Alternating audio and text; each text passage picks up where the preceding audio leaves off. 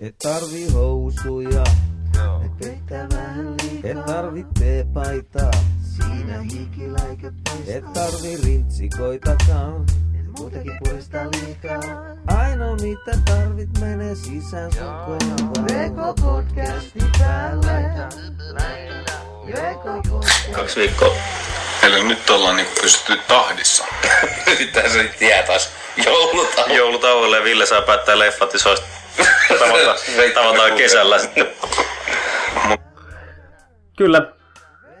Olette tullut Villillä Korporaation uuteen ohjelman nurkkaukseen, jossa me kuuntelemme vanhaa jaksoa. Ei vaan. Ei vaan, tervetuloa kuuntelemaan VK-podcastin jaksoa 33. Huhu.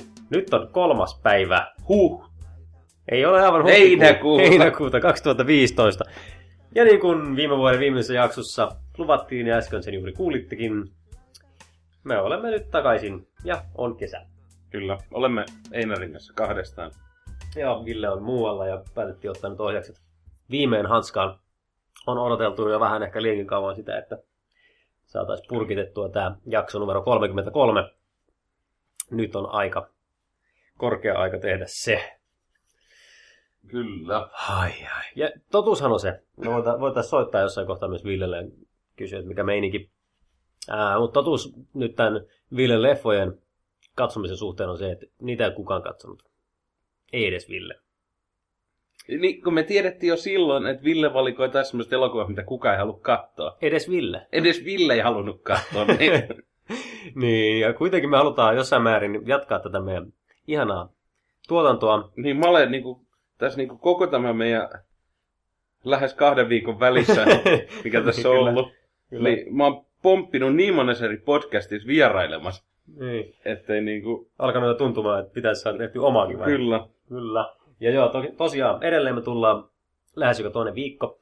Nytkin on siis lähes kaksi viikkoa kulunut edellisestä jaksosta. Totta puhuakseni joulukuun 18. päivästä on ehkä vähän pidempi aika. Mutta ei pidetä sitä niin tarkkana. Mutta nyt se, mitä tulee tapahtumaan tulevaisuudessa, on seuraavanlaista. Pyritään edelleen tekemään jaksoja lähes joka toinen viikko, jossa käsitellään sitten pari leffaa, arvostellaan ne. Mutta tämän lisäksi meiltä voi tulla semmoisia spessujaksoja siellä, täällä ja tuolla, ilman mitään sen tarkempaa aikataulua, missä sitten esimerkiksi voidaan käydä läpi, kun käydään vaikka leffassa. Tässäkin jaksossa tulee olemaan kolmesta eri leffasta vähän fiilistelyä. Niin esimerkiksi jos me käydään leffassa ja tehdään siitä vähän ennakkofiiliksiä ja jälkimaininkeja, niin me voidaan julkaista se ihan omana jaksonaan ja sitten se on jopa vähän ajankohtaisempaakin sen kyseisen leffansa kanssa. Kun se on teatterissa, niin joku voi sitten sen meidän arvion ja mietis- mietiskelyn siitä kuunnella ja miettiä sen perusteella sitten, menenkö minä katsomaan tuon uuden Terminaattorin esimerkiksi. Esimerkiksi. Mä tulin katsoa, olemme saatu yhtä palautetta tässä niin kuin No niin, no niin. viimeisen kahden viikon sisällä. Ja ei, ei me kyllä ole saatu. Täällä on tullut Ustreamista, Tumblrista ja Team Snapchatista ja muutamista muista paikoista, mutta ei mitään palautetta ole saatu. No niin, se on kyllä kumma. Onko se muuten kerännyt tota, uutisia tässä nyt sitten kahden viikon aikana? Tässä kahden viikon välissä. Niin. Ole, mutta en mä enää tiedä, missä ne uutiset on. No niin, siis kaksi viikkoa on tällä kertaa niin pitkä aika, että tota, ne, ne katosi. Mulla täällä tämä voi lukea näitä niinku nimiä, mä en mennä kauheasti pidemmälle. Oh, funky, Ne on ne kuuden kuukauden takana. Joo, ta, siis jotain, jotain täältä niinku aikavälillä. Mutta siis tämmönen... U- uusi Mad Max-elokuva tulossa. Silloin, mitä? What? Really? Ö, Pako saa jatkoa, eli Prison Break-sarja saa jatkoa. Koska se saa jatkoa, sitä, sitä tota, tämä mun ylöskirjoitus ei kerro, mutta katsotaan, jos tämä yhtäkkiä avaa tämän ihanan stara.fi-sivuston. Se on hieno sivusto. Paras yksi parhaista, mutta siis joo. Aa. Ei, tämä ei oikeastaan kerro, että muuta kuin, että Pako tulisi olemaan 12-jaksoinen minisarja. Sama tuul- tuuliin, eli tyyliin kuin X-Files ja 24-sarjat. Joo, ja siihen odotellaan... Eihän uut- uudessa X-Filesissa ollut kuin kuusi jaksoa. Niin, minisarja sekin. Mutta joo, odotellaan, että siihen tulisi nämä veljekset palais molemmat. Mikä on itse asiassa aika mielenkiintoista. Spoileri nyt sitten tota, niille, jotka ei ole sarjaa nähnyt vielä tässä vaiheessa loppuun. Onko se Petri nähnyt Olen. Prison Break? Tämä Joo, mä ihan kaikki. Michael Schofield kuolee siinä lopussa. Niin miten tota nyt jatkaa molempien veljesten kanssa sitä jatkusarjaa. Eikö se nyt ihan niinku, oli tämmöinen ihan tosissaan kysymys? Siis kyllä mä vähän... Siis nyt eihän se mietin, kuollut siitä niinku oikeesti, sit, kun siinä on se leffa. Niin se, Ai niin, siis leffa. sehän herää, se herää henki. Eikö, Mm. eikö ne feikannut sit loppuun? Mun, mielestä- en mä muista. Sitä En niin mäkään muista, mutta se leffa oli niin paska. Mun mielestä se leffa Et alkaa niin, että ne on siellä mitään. hautajaisissa. Niin se alkaakin. Joo. Eihän mun mielestä se sitten ollut oikeesti. En mä tiedä, sitä on niin kauan kun mä katsoin. Eikö se leffa käsitellä? Minä tiedän. Siellä En mä sitä naista jo. Ja Niin, ja niin, hyvä, se että pakeni tatuoinut omaa. en mä tiedä, vaikka se olisi kuollut. Niin, en mä, mä en muista enää, kun se leffa oli niin huono, että mä halusin jotenkin poistaa se kokonaan mielestäni. Mutta joo, seuraava, mikä mulla täällä on, käsittelee Infinity Waria ja sitten tota Avengersin seuraavia. Kyllä, just sitä. Ja, ja, ja Thor on sanonut, että yhdeksän kuukautta kestää kuvaukset, ja ne on käsittääkseni ehkä jo alkanut. Ne kuvaa siis ensin Infinity... Ootas nyt. Ei, vaan ne kuvaa varmaankin ensin ton Civil Warin ja sitten Infinity Warin. Joka tapauksessa melkein vuoden kuvailevat putkeen sitten. Saa sitten nähdä, onko sen jälkeen enää samoja Avengereja nähtävillä, kun tuolla saadaan tuo kolmas Avengers-leffa kaksikko ulos. Niin nyt reboottaa taas vaihteekseen tuota Spider-Manin. Joo, kyllä, mutta tällä kertaa ne tekee sen niin Sopimaan Marvelin, niin. Marvelin niin toimesta ja ehkä sopii paremmin tähän universumiin. Se pitäisi just olla, olla tuossa Civil, Wars, Civil Warissa. Ja tota, niin, tää lukee, että tää lukee mun muistiinpanoissani, että Civil War saadaan purkkiin elosyyskuussa 2015, eli sitä kuvataan paraikaa. Ja sitten kuvaus aloitetaan siitä sitten tuo Infinity Wars. Siitä tulee kaksi leffaa. Ainakin tällä hetkellä se veny kolme, Hobbittikin tuli kolme osan, vaikka piti olla kaksi. Joo, sitten mä kirjoitan Avengers parodia, Sesame Street teki tommosen parodian. Uh, James Cameron on ehkä kirjoittanut viidennen Avatar-elokuvan, miltä susta tuntuu? Mä en sitä ensimmäistäkään kokonaan nähnyt. Kyllä. Sonyin uusi supersankarielokuva Universumi. Ne tota osti jonkun tämmöisen oikeudet johonkin pienempään sarjakuvaan. Koska so, äh, Sh- Hamis on nykyään Sony Marvel tuotanto. Sony, Sony tarvitsee oman sarjan. Ihka oman. Että saa ruveta lypsämään. Mä voin koittaa, jos mä saan tosta, tosta nyt auki, että mikä se oli se sarjakuva, minkä ne, minkä ne tota, No, hankki. mutta ei ole se sarja, mikä tuli PlayStation Plus-salaisilla. Ei, tää ei ole se Powers, vai mikä se oli? Onko katsonut sitä Ei. yhtään? Okei, okay, sama juttu. Jälkeen mä oon vaan kuullut sit tosi paljon pahaa. No niin, eli Valiant Entertainment Okay. on niin tämä julkaisija, ja mitä se en, en tiedä yhtään, tota, Me luetaan sitten tämmöistä hyvin pientä niin kuin hyvin pientä iPhonein ruutua tässä. Kyllä, yritetään. Mutta tota, tämä on sanottu, että pitäisi tulla 2017 ensimmäistä, ensimmäistä leffaa se tulos. Nähtäväksi jää, kuinka hyvä shittiä sieltä tulee. Seuraava uutinen. Avengers 2 julista paljastaa uuden supersankarin. Tämä saattaa olla vähän vanhentunut uutinen, Toi- koska tuo... Voinko mä ottaa tämmöisen, mitä liittyy uutisiin, mutta mm. ei Mhm. ole uutinen? Joo, yhdessä kohtaa, kun ilmoitettiin, että tulee tämmöinen elokuva kuin Suicide Squad, joo, joo. ja sitten niin kuin about joka päivä siitä tuli uutinen, tai siis ehkä hipsukoissa uutinen. Hmm. Joku, joku oli ehkä yksi kuva kuvauspaikalta tai jotain muuta. Kyllä. Niin mua rupesi ärsyttää tosi paljon se, että, että en mä halua nähdä siitä elokuvasta tällä niin kuin joka päivä jotain. Mä haluan nähdä se sitten niin kuin valmiina. Mm. Niin onko tämmöistä niin kuin ilmiö ollut enemmänkin, niin kuin, että, niin kuin, että kuvauspaikalta tavallaan ripotellaan sillä Ei noin, ei noin paljon ainakaan ole siis on ollut ihan törkeä määrä, mm. mitä siitä niin on julkaistu. Siis onhan noista, kaikkea. niinku, onhan noista jotain ollut aina jostain isoista, mitä on tehty ja haluttu niinku, No myös siitä Batman vs. Supermanista. Niin siitäkin myös, mutta siitä niinku, ei sitäkään paljon. niinku, siinä määrin, Niin. mitä Suicide Squadista, sen vaikuttaa, että se on ihan selkeät markkinointia, Mm. koska ollaan huomattu, että internet on vähän niin kuin nyt varpaillaan, että onko siitä Jared Letosta mihinkään. Ja nyt sitten kovasti sitä pönkitään koko ajan, että se lähettelee niin luoteen ja rottiin ja mitä kaikki kuolleita niin sikoja tota, toisille näyttelijätovereille, kun se on niin Et sit, mun, mielestä on niinku, tähän toimimassa siinä ei niinku mitään siinä leffasta, että ne on vaan ottanut kaikki random juttuja, että ne ei liity mitenkään se elokuva ja jakaa vaan niitä Toivottavasti sit sä et spoilantuisi millään, Kyllä. miltään niin kuin, Nyt mä tiedän, että Jokerilla on semmoinen purppura Lamborghini ja oh, oh, vai tiedätkö? niin, jos mua on huijattu koko ajan. Mm. Mun seuraava uutinen, mitä mä oon kirjoittanut, olisi Oscarin hengenvedot. Nämä kaikki siis pystyy tsekkaamaan nämä linkit, mitä täällä nyt sitten mulla on ja mistä mä puhun, niin show notesista. Eli tässä on kasattu kaikki hengenvedot, kun Oscar, niin kun tää, mun muistaakseni tämä oli semmoinen, että se, ketä veti Oscarit nyt viimeksi, tämä juontaja, niin siltä oli liikattu kaikki puheet ja kaikki muut pois pelkästään pelkät hengenvedot sisään ja ulos on leikattu niin pötköä se oli ihan hauska. Ja... Tatum ihana vuosi, Gambit-leffan päivämäärä Twitterissä. Mikä on Gambit-leffa? Ei mitään haju. Pakko sanoa, että mä käyn enää muistaa, että mikä tämä juttu on. Mutta siis tosiaan tästä Magic Mikeista on kyse. Ja... Gambit is a Marvel Comics card throwing kinetic energy controlling son of Louisia. Tää on nyt sitä parasta sisältöä. Tää on, eli Marvel-leffa, mikä tulee Sansingin Tatumi. Okei, mitäköhän muuta. Neil Blomkampin Alien tulossa. Miltä se kuulostaa sun mielestä? Se lupailisi, että se olisi enemmän niin kuin menisi juurilleen se Joo, sarja, eikä menisi, kelpaa. menisi niin paha, pahaan paikkaan. Paluu tulevaisuuteen vuosi 2015. Kaksi. Paluu tulevaisuuteen kaksi vuodesta mentiin. 2015 vuoteen se on nyt tämä vuosi, mutta... Entäs tää MacGyver leffa, mutta nainen niin esittämässä? Mutta itselläkin ottaa uutinen ehkä siellä niinku... Joskus otettuna. Niin. Ei Tota, se kuulostaa yhtyvältä ajatukselta, jos tehtäisiin Ghostbuster-elokuva, missä olisi pelkki naisia. Totta. Se olisi kyllä katastrofi. Se tulisi varmaan ensi vuonna uloskin. Kyllä mä ihan väärin muista.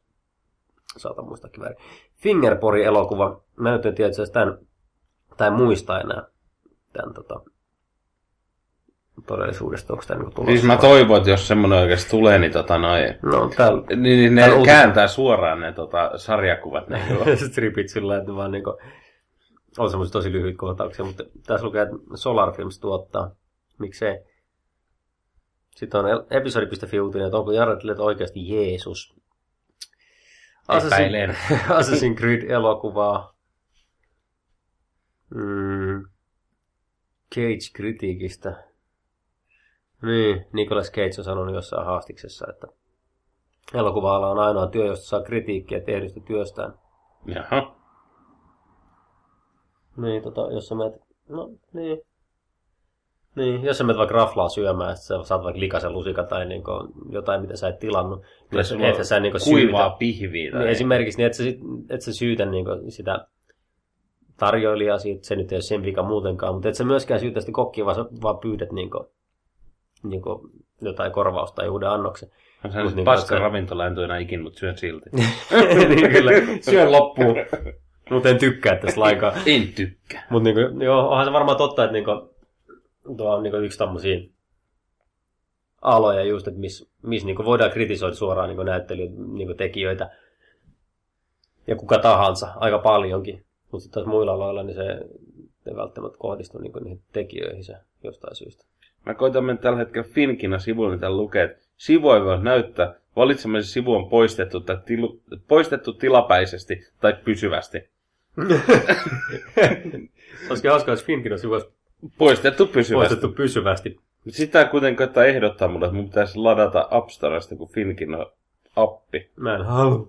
En mä nyt mielellä halua. Mä olisin vaan halunnut tarkistaa, koska Mhm. mm-hmm. silloin se on ollut uutisarvo, että tuleeko NVA-elokuva Finkino nyt sit niiden, Aa. niiden somekampanjan, että jos tarpeeksi moni tykkää, niin se tuleekin leffateatteriin, mikä vähän haiskahti sieltä, että mainosta meidän elokuva ilmaiseksi. Kyllä. Ja osallistuin. Mainostin. Aivan oikein. Kuka nyt ei haluaisi nähdä NVA-elokuvaa Finkinossa. Mä itse asiassa, kun mä kävin katsoa, tästä päästäänkin ensimmäisiin tota, tämmöisen inserttiin, joka täällä tulee välissä nyt muutama tämän jakson aikana, niin kävin katsoa tuossa just lähipäivinä itse asiassa. Tänään on äh, perjantai, mä kävin eilen katsoa Terminator Genesiksen tuolla tennispalatsissa Helsingissä, koska mulla oli luppuaikaa. Mutta se, mikä mulla oli, mulla oli kaksi vaihtoehtoa, Tomorrowland ja Terminaattori. Ja mä olin menossa katsoa Tomorrowlandia, mutta sitten kun mä tsekkasin Finkinon sivuja, niin mä huomasin, että se on ollut Finkinossa 4K esitettävänä tennispalatsissa. Mä en tiennyt, että Suomessa on 4K niin mahdollisuus nähdä leffoja. Mutta selkeästi Helsingin tennispalatsissa on joku 4K-tykki. Mutta se versio, mikä se pyöri, niin ei ollut 4K, joten mä päätin, että mä menen Terminaattoriin. Jos olisi ollut 4K, mä olisin ottanut Tomorrowlandia ainoastaan sen 4K takia.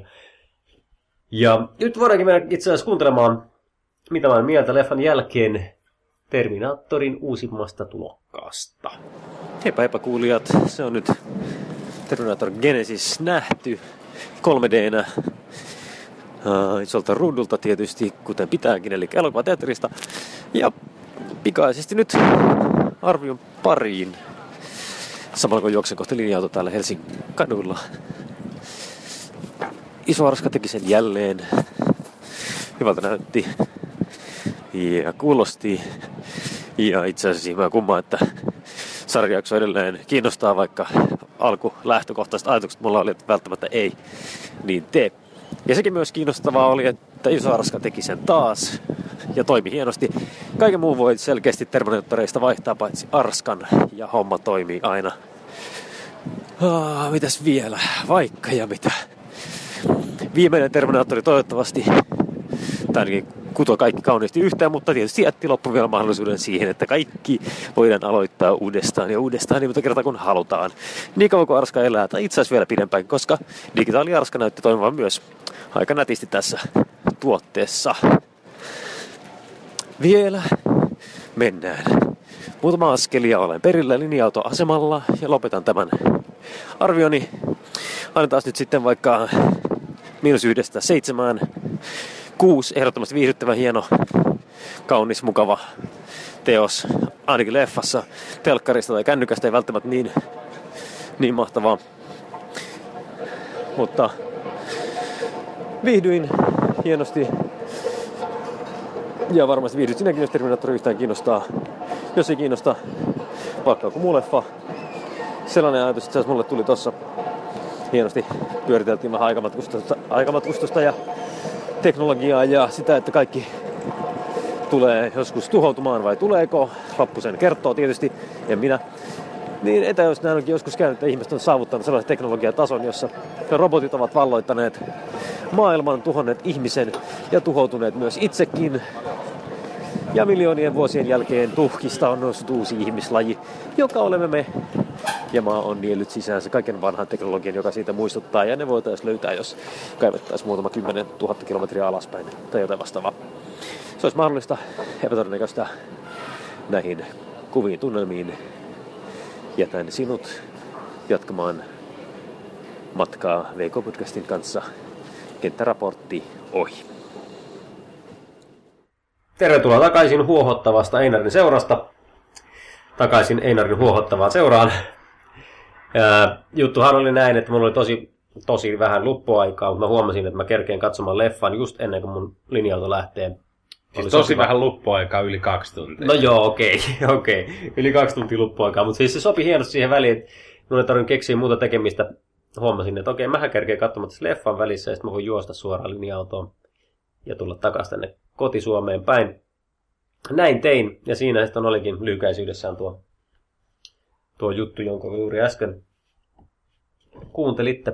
Tykkäsin, mitä sä Petri tuolla näkemättä leffaa. Näkemättä leffaa, niin kuin, nyt, nyt kun mä kuul, kuulin, mitä sä sanoit siitä. Et niin sä tota- oikeasti kuullut. nyt sä rikoit tämän immersion niin ihan täysin. Totta, neljäs sinä rikkoutui. No mutta siis, kuka siinä näytteli? Muuko Schwarzenegger siis? Jotain, joku mies ja nainen ja yksi lisämies. No siis mä voisin, mä, voisin sanoa, että, että mä oon vihannut Terminaattoreita about sen jälkeen, kun mä näisin kolmosessa Arskal ne Elton John lasit, mistä mä oon varmaan maininnut tässä podcastissa kyllä ennenkin. mä en edes vielä tänä päivänä pystynyt katsoa sitä Terminaattor-elokuvaa, missä ei ole niinku Termina, eiku, Terminaattori, kyllä. Schwarzeneggerin. Joo, mutta tuo, tuo oli ihan hyvä, että meidät mokata tolleen, kun Terminator-elokuva, jossa ei ole Terminaattori, se mitä mä tuossa insertissä sanoin, että että oikeastaan kaiken muun sä voit muuttaa Terminator-leffasta, paitsi Arskan, niin sit se voi, silloin mahdollisuus toimii. Ja tuossa tapahtui niin, se toimi, toimi kyllä ehdottomasti. Mut joo, tossa ei menty ihan niin mauttomuuksiin onneksi, mm. mutta tossakin oli niitä, niin kuin, tässä on hassu kohtaus, haha. Mutta sitten oli onneksi aika maltillisesti. Mä kävin katsoa se 3D-nä, mä en muista puhuit me siitä tuossa mitään. Ja se oli sen takia, koska ei ollut vaihtoehto mm. 2 d Mutta se mikä oli ihan virkistävää oli se, että siellä oli eri tekniikka 3D-lasit, mitä Porin Finkinossa. Ne oli semmoiset kevyet, semmoiset niin polarisaatiolasit, eikä semmoiset flickerilasit. Ne oli niinku- patterittomat. Niin, niin, patterittomat, ne ei voi niin lakata toimimasta kesken, kesken leffa. Ne oli mukavaa pitää päässä, kun ne oli kevyemmät. Mutta se, mikä oli vähän häiritsevää, niin sitten siinä oli yhdessä kohtauksessa oli semmoinen, ilman spoilaamatta, niin siinä oli ihmisten ympäri värikorjauksessa oli tehty semmoinen niin pikku halo mm. ympärillä. Niin sitten siinä vaiheessa mä rupesin, niin kuin, että menikö nämä niin paskaksi nämä lasit, koska se, niin kuin, se 3D, joo, se toimi, mutta sitten sitten just jos sä otat lasit pois, sitten se niin kaksi kuvaa päällekkäin, niin siinä on vähän no. semmoinen niin kuin, että out of place meininki, niin sitten siinä oli värikorjauksen takia semmoinen, se oli vähän häiritsevä. Mä oon niin kuin, aina kun mä oon nähnyt jotain 3D-nä, niin se on aina ollut semmoiset patteriversiot. Ja mm. Mulla menee eniten aikaa niin kuin, sit leffasta eka puoli tuntia, että mä koitan hakea sitä etäisyyttä mun silmään. Mm. Että se ei ole silleen, kun tottunut, että jos on aurinkolla, sit sä tunnet ne niin syvät, kun ne menee sun päähän. Niin, melkein sisäpuolella. niin. Mutta sitten, sä joudut hakea sitä etäistä, silloin on mennyt puolen tuntia sitä leffaa, ja sä oot juonesta tippunut kärryltä niin kuin eka viiden minuutin jälkeen. Kyllä. Niin oliko tuon noissa laseissa, missä se patteri, niin on, onko niissä jotain niin kuin kikka vai toimiko ne tavallaan heti, kun sä vaan heitit ne päähän? Ne toimi mun mielestä heti, kun laitettiin mm. päähän. Ne oli silleen mukavammat ja helpommat, niin, helpommat käyttää. Sen vaikea on isompia laseja käyttää, mutta siis se, että mulla ei ainakaan ollut mitään semmoista säätöä niin. niiden kanssa. Mutta sen mä tsekkasin heti, että koska mä en ollut käyttänyt sellaisia niin leffateatterisen, niin tulisi nostettu niitä niin pois mm. päästä ja pistetty takaisin. Että niin kyllä se niin kuin, niin kuin oli pakko vähän niin testata sillä, että millainen se toimii onko siinä jotain niin kuin, konnankoukkuja. On, huomaanko mä niin jotain huonompaa, mitä niin siinä shutteritekniikan laseissa. Ja en kyllä huomannut, muuta kuin että ne oli kevyemmät päässä, niitä ei huomannut niin helposti, niin kuin, että niitä käytti.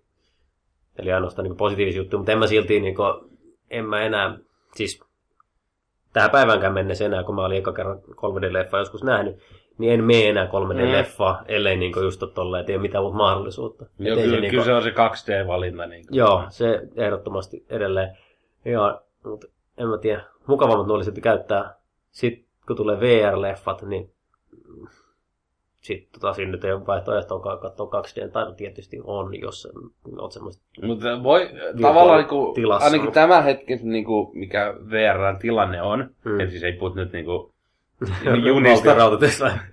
Mutta tota, no, se, että kun ne on kuitenkin, että esimerkiksi mitä ihmiset sanoo, että ne jossain messulla päässyt kokeilemaan, esimerkiksi mm. Oculus Riftiä, mm kun ei sitä ei ole säädetty sille sun katselle, niin se toimivuus ei ollut tosi hyvä. Niin mm. tällä hetkellä tommonen ei voisi toimia niin kuin leffassa mitenkään, koska sä et saa kalibroitua. Tai sit sun niin. pitää mennä sinne leffaan joku puoli tuntia etukäteen ja jo, niin. jokaisen kalibroida. Niin, jos olisi, niinku, jos olisi niinku leffateatterin ympäristö. Mä mietin Mutta sillä on niinku omassa käytössä niin, niin. Mä mietin just sillä, että niinku sit, jos olisi omassa käytössä ja sitten mm. joskus, kun niin, tulee semmoisia leffoja, mitä niin. sä voit katsoa ympäri, niin sitten sit, niinku, vaikea nyt silti uskoa, että se olisi silti kiinnostavampaa. Mä väitän, että se on niin erilaista. Siis kiinnostavampaa kuin katsoa 2D-elokuvaa, siis tommoiselta flatilta mm. ruudulta. Mä väitän, että siinä on se oma vetovoimas kuitenkin vielä niin jatkossakin. Mutta sitten taas se VR-elokuva viehätys on tulee tietysti siitä, kun sä voit katsoa joka suuntaan. Mutta mä en jotenkaan näe, että ne kilpailisi kuitenkaan samasta asiasta. Et mä en välttämättä näe, että niin. joka leffasta tulee VR-leffaa. Ja sitten niin kuin toi, että Tuleeko sinulle sellainen olo, että sulla jää jotain näkemättä, koska sä et voi katsoa joka suuntaan samaa Niin, sehän siinä tietysti, tietysti on, mutta sitten myös se, että mikä varmaan tulee testattua joskus, kun noita VR-leffoja tulee, koska niitä rakennetaan myös silleen, että ne jatkuu vasta sitten, kun sä oot huomannut mm. sen, mitä sä tarvii katsoa. Niin, että pystyykö sä jäämään tuijottaa johonkin nurkkaan, että se leffa vaan niin etenee viisi tuntia, sitten, tai niin on viisi tuntia, ennen kuin se lähtee etenemään, kun sä et huomaa jotain, mitä sun pitäisi huomata. Että mä tiedä, onko sekään niin hyvä, että jos, jos sä et niin huomioi jotain, mitä sun halutaan huomioida, niin se ei etene mihinkään. Että et se niin nykyleffassakaan, jos sä vaikka kaivat persettäsi ja haukottelet silmätkin samaan aikaan, niin sitten sä menetet jotain siitä leffasta, sitten mm. se vaan menee eteenpäin. Et, en mä tiedä, onko se, onko se niin hyvä ratkaisu niin jää odottamaan katsojaa. Niin, mutta pystytkö sä tuommoisella, niin kuin, mä tietyissä asioissa mä oon tosi mielikuvitukseton ihminen, mm. niin pystyykö tuommoisella VR systeemillä tekee elokuvaa ilman, että se on tavallaan sun, että sä olet niinku se joku niistä hahmoista. Pystyykö mm. se toimimaan niin, että sä oot niinku tavallaan sivusta katsoja? Sivusta katsoja? Niin. niin, aika hyvä kysymys. Tai silleen, Koska sit se vähän niinku rajaa sitä, että jos täytyy aina olla siinä Aivan. henkilössä tai elokuvassa joku henkilö. Nyt ei välttämättä niinku joku henkilö, mutta kyllähän sä vahvasti oot niinku siinä Niin. keskiössä. Niin. Et niinku, periaatteessahan voisi olla niinku tämmöinen tilanne, kun mekin istutaan tässä aika lailla Mm. vastakkain, niin jos kamerasijoittelu olisi tuossa meidän keskellä, niin sitten katsoja voisi päättää, että katsoako sua vai katsoako se mua. Ilman, että se olisi niinku henkilö, Niin. vaan että se on vain niinku se Katsoja. tila, tilanteen niin, todistava elementti, katsoja. Mutta mä väitän, että tosi paljon tullaan tekemään just sitä, että sua pidetään yhten hahmoista. Koska se on Sitten sitten vaan se on, kun helppoa. menet sillä teatterissa, mitä valita, kuka hahmo saa. Kyllä. niin, Mä joo. mä otan tätä sivuosa konnan ja tota noin. Kyllä. Mä en oo kuin puolet elokuvassa. Mä eka, eka puolitoista tuntia mä edun vaan niinku ole paikalla mustan ruutuka. Ei, ei, ei, kun silloin sä oot siellä katsossa trailerissa. Istuskelet siellä, sä näet sen traileri ja sitten sä pelaat siellä pleikkaa tai kaivat nenää tai mitä ne nyt ikin tekekään näyttelijät noissa Hollywood-leffojen kuvauksissa. Sitten sä kävelet sieltä settiin ja sit sä pääset niinku leffaan sisään. Ja sit se on täydellinen elokuva. Niin kauan kun sä oot mestoilla, sä menet taas siinä pois. Tai sä oot kärpäisenä katossa. Ensi viikolla sieltä. lukee stara.fi-sivusta. Solar Films tekee tällaisen elokuvan. Mitä? Fingerpori VR Edition. Oi voi. Olen runkkari tai rivo täti. Joku kahvila pitää vai mikä se on? Joku ruokala pitää se on.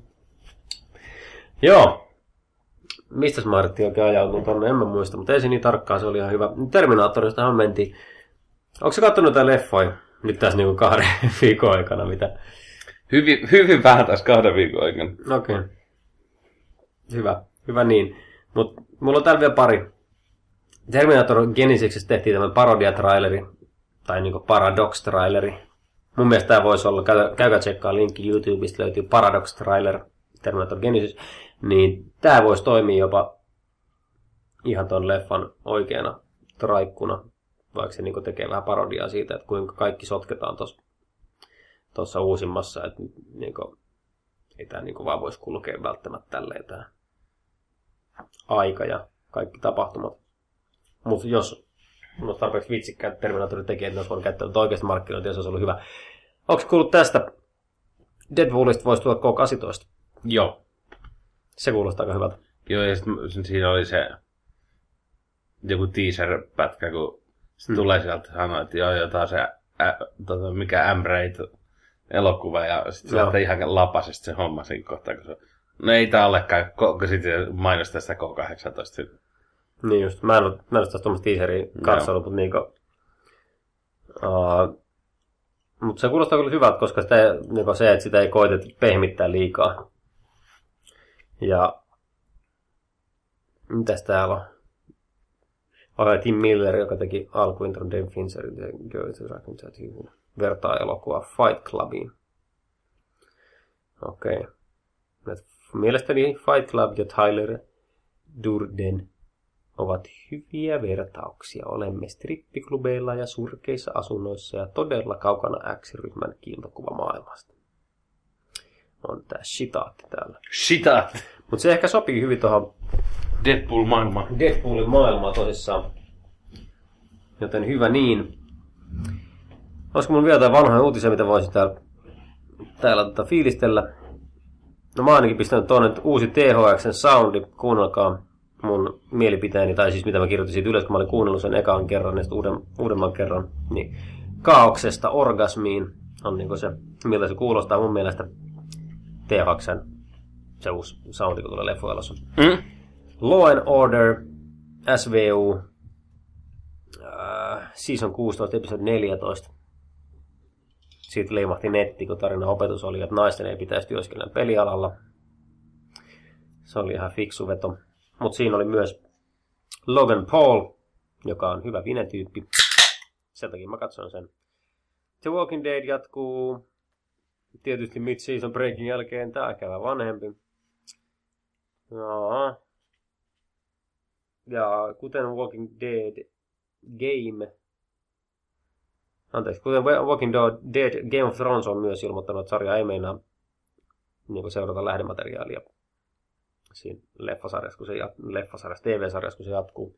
Mikä nyt sitten taas Game of Thronesin kanssa ei ole vissi kauhean ihme, kun se uusin kirja nyt ei ole vielä valmis, ja ne on jo siinä pisteessä sen sarjan kanssa käsittääkseni. Onko katsonut Game of Thronesia? Game of Thrones, mä en nyt tota uusinta kautta, mikä nyt tuossa pari viikkoa sitten loppu. Eli mm. about sama oikein kun tuli viime jakso. niin, niin tota noi. Mä vähän mietin, että nyt, nyt sieltä tulee toi True Detectiven kakkoskausi. Yeah. Ja nyt siellä olisi Game of Thronesin vitoskausi kokonaan. Et jos mä palaisin taas tuohon paskalaariin. HBO. Niin, siksi aikaa. Et... Tai sitten mä odotan, että se True Detective tulee kokonaan ja otan siitä ja... Mm. No sit mulla on kuukausi aikaa tavallaan katsoa Nyt jos mä otan sen, niin se on vähän kauempi aika, koska... Aa, kyllä.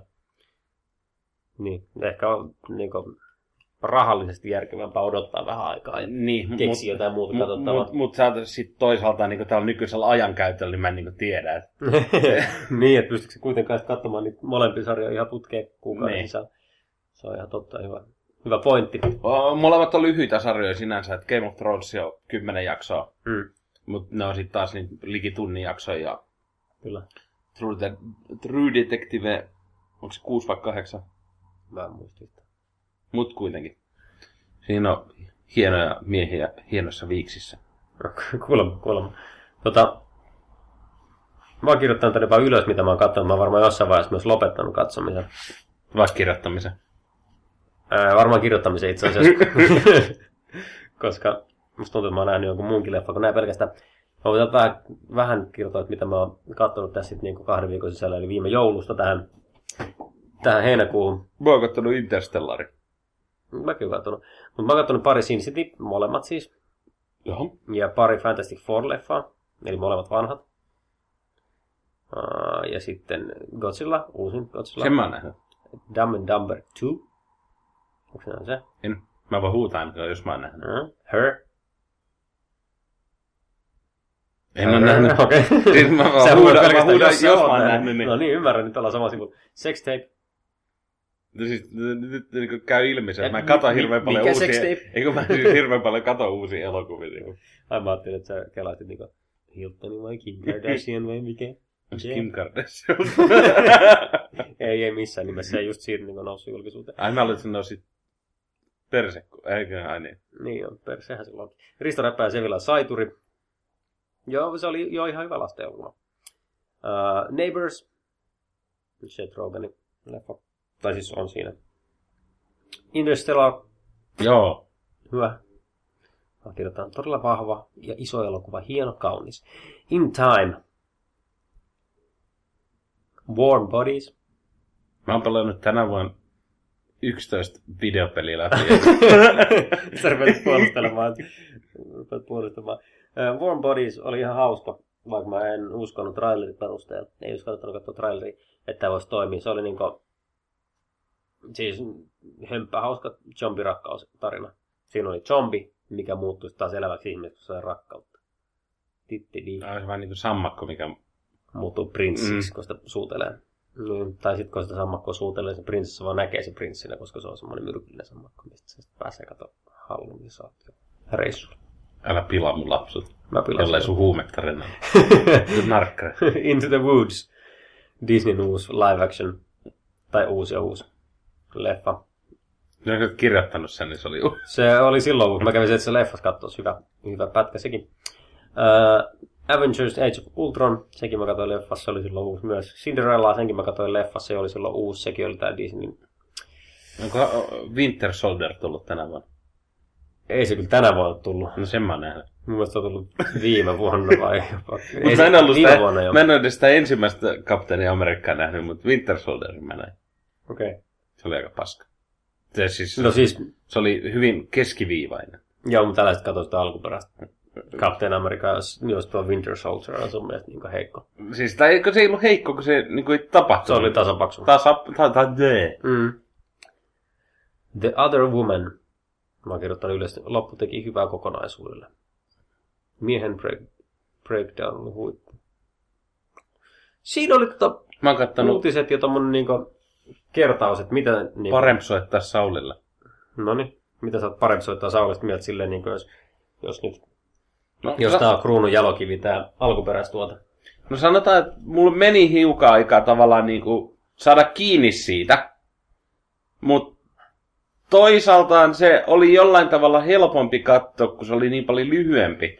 Se, että mä lähdin siihen alkuperäisteokseen about silloin, kun kaikki oli nähnyt se jo kokonaan. Hmm. Mä en ole näistä vieläkään, koska Niin. mä odotan, että mä katson neljä koona sen sitten. Niin, niin sit tota, mulla on vähän niin kuin ollut, tai kun siinä, sä heti kun sulla annetaan, että tää on viisi kautta, niin sä tiedät, että sulla on tavallaan sitä työmaata. Kyllä. Mutta tossa, Kyllä. tässä, sulla on se yksi kausi ja hahmot on tuttu, sulla ei mene tavallaan siinä niinku... Sun tarvii opiskella mitään uutta. Niin, totta kai siinä oli uusia hahmoja, että mm. Mm. siinä oli muutama niinku vanha hahmo. Mm. Mutta että kun ne päähahmot oli tavallaan tuttuja ja sitä oli mukava katsoa. Joo. Eli se oli niin kuin ihan positiivisen puolella kuitenkin. Joo, kyllä. Et ei käynyt silleen, että nyt tehdään rahaa vaan ja ei tehdä tuotteesta niin mustakaan. Good shit. Olisiko nyt aika soittaa Heikkaraiselle Voitais. ja kysyä vähän se Mitä kuuluu, oma- kukkuluuro? Esimerkiksi mitä kuuluu, kun kuuluu. Se on, mä voin soittaa, kun luuta tässä No, kädessä. mulla on akku melkein loppu, se on ihan... Se on hyvä, että mä soitan sitten, mun tarvii vaan kaivaa täältä jostain Ville. Ville Heiska. Ja pistää tuosta kaiutin päälle. Ville varmasti ajaa tällä hetkellä autoa. Tai siis suuremmalla todennäköisyydellä ei varmasti. Koska se ajaa koko yön. Niin kuin Roy. Susikoira Roy. Pistää vähän lähemmäs. Mä en itse asiassa kuinka paljon tästä rupeaa pätteitä tökkötä, mutta se on kuuntelijalle anteeksi jo tässä vaiheessa. Mitä, mitä kuuluu? Mitä kuuluu? Kukkuluuro. Mitä kuuluu? Kukkuluuro. Et nyt ikävä kyllä Ville voittanut palkintoa. Vastaus ei tullut tarpeeksi. alussa, mitä te toitte, mulla ei tää, tota, handsfree päältä, no. No niin, hyvä. Joo, joo, ei voittanut, helvetti. Jos se podcastin nauhoitus menee. Ihan hyvin, hyvin veikattu. Me päätettiin Peten kanssa, nyt kun kesä on jo tullut, niin voitaisiin ottaa tämä jakso hanskaan. Nyt kun sä oot varmaan ehkä ainoa, ketä on katsonut nämä leffat, mitä piti katsoa, niin sä voisit antaa nyt semmoisen pienen, nopea arvio molemmista. No en mä niitä oikein katsoa. Ai jaa. Haluatko Nekin jäi multakin ihan katsomaan. Mutta siellä olisi pitänyt olla toinen, se marttyyri olisi ollut tota, ränkätty yhdessä niin kuin tota, toi ää, kovimmista kauhuleffoista, ehkä brutaleimmasta tai jotenkin raahimmasta. Et mun mielestä ei ole niin kuin, kauhean mikään korea-elokuva, mutta se, se pitäisi olla kuitenkin, kuitenkin tota, ilmeisesti melko raaka jossain määrin. Eli ihan, ihan kauhea. ihan kauhea. Ja sitten tota, se toi toinen, mikä oli se Serbian movie, niin, niin Serbian muuli vai? mu, muuli, niin, niin tota, tota, tällainen näin, niin se pitäisi sitten taas olla tota, ää, uusi, vähän erilainen kauhuelokuva, mikä, tai niinku kuulemma ää, Fifty Shades of Grayn kauhuversio. Niin, niin tota, Okei. Okay. tämmönen. Meidän arvaus me taisi mennä väärin. Ville ei taida ajaa autoa. Itse asiassa mä just tulin aapiskukkoon, mikä on... Sä tulit. Aapiskukkoon. Mä tulin just siihen. Voi Ville. Jos, Oli- jos olisi kana, niin me lisännettäin. Mutta tota, tällainen näin. Joo. Ei mitään kuule. Jatka sä Aapiskukon kanssa touhuun, mistä me vedetään Peten kanssa tää pakettiin ja jatketaan elämää. Tehdään näin. Yes. Se on hei. Yes. Morjens. Mun on pakko nyt googlettaa, mikä on aapiskukko. onko, se, onko se hotelli vai baari? Eikö se on se kukko, mikä tota opettaa aapista lapsille. Onneksi nyt on kesäloma. Se on hotelli. No niin, hyvä. Kolmen tähden hotelli. Missä päin Suomessa on? Pälkäne. Pälkäneen hotelli. Ei sano yhtään mitään, mutta se on. Se on Pälkäneellä se Ville nyt sitten. Kaikille pälkäneläisille terkkuja. Terkkui Pältsyl! Jos haluat tänään Ville livenä, niin menkää aapiskukkoon. Ja kun kuulet, että ääni saattaa vähän myöhäistä. Jo, Ei välttämättä, se voi siellä uudestaan. niin, niin tai se voisi edelleen. Aa. Ei oikein tiedä, kuinka kauan siellä on salamatkoillaan meitä karussa. Mä epäilen, että se on niinku seksiturismi lomalla. Pälkäne on just tunnettu siitä, että siellä, siellä on, Se kuule- sama Siellä on kategoria löytsy. Jemenin kanssa. siellä on lörtsy kuuman koko ajan. Liukasta ja halvaa. Olipas, olipas hieno hetki. Mä, silti mun mielestä aapiskukko kuulostaa enemmän baarilta kuin tuota Ehkä se on, hotelli. ehkä se on baari, mikä on, missä, Missä on huoneita. No niin. Se on siellä hyvä, hyvä tota, Siis konsepti. Mennäänkö, niin. No niin, mä ajattelin, että onko sulla nyt niinku mietitty Onko se jotain mietitty? Joo, mä itse asiassa mietin, että mennäänkö nyt kuuntelemaan meidän Kung Fury. Kung Fury! No näin. Miau! Millä? Sun vuoro. Ai joo, kaikilla on joku eläin. Mun eläimeni oli, no niin. Sehän on, kaikki tietää, että se on, Alpakkovuohi. jep. No niin. Ja mä olin No se Pokemon. niin. Sä olit se Pokemon. Se on oikein. Tehän olette nähneet elokuvan nimeltä Kung Fury. Kokfuuri vai? Kokfu. Furious Cock. On, no, olen. Ville. Kyllä. Mulla on oma bändi. Joo. Väkise tos. Väkise. Mäki se. Väkise tos. Mikä tämä on? Tää on VK-podcasti. Tää on varmaan kuin ekstra osio tai on kokonainen jakso. Olisit heti sanana. No niin. Nythän tää voi olla vaikka virallinen jakso. Mä tos sain kanssa katsottua just sen Äsken. Furyn äsken, kun mulla sanottiin, että puoli tuntia aikaa ennen kuin pysähdytään. Ei ollut, mä kerran katsoin, mä katsoin sen nyt sen jälkeen, kun oltiin pysähdytty taas jatkettu matkaa loppuun. Ja Niin. nyt me voitais vähän puhua siitä. Jaha. Ruotsalaiset pojat taas pannu parasta. Kickstarterissa. Joo, tämähän taisi lähteä niin Kickstarterin kautta. Mä en itse asiassa tiedä sitä Kickstarter story oikeastaan. Tietääkö teki se eka semmosen pätkän, Mhm. pätkän missä tota, nousi semmonen hulapalo, että kaikki jengi dikkas siitä ja se oli just samanlais tämmöstä vähän niinku liioteltu kasari, kasari tota, ikonisten juttujen kautta tota, vähän skifi ja tämmöistä kasaripuolisia elokuvia ja muuta niinku yhdistelty ja tota, tota, sitten ne lähti lähti tekemään siitä niinku pitemmän version. Mä, mä käsitin silloin, että siitä tehdään niinku pitkä elokuva. kun sua kusetettiin.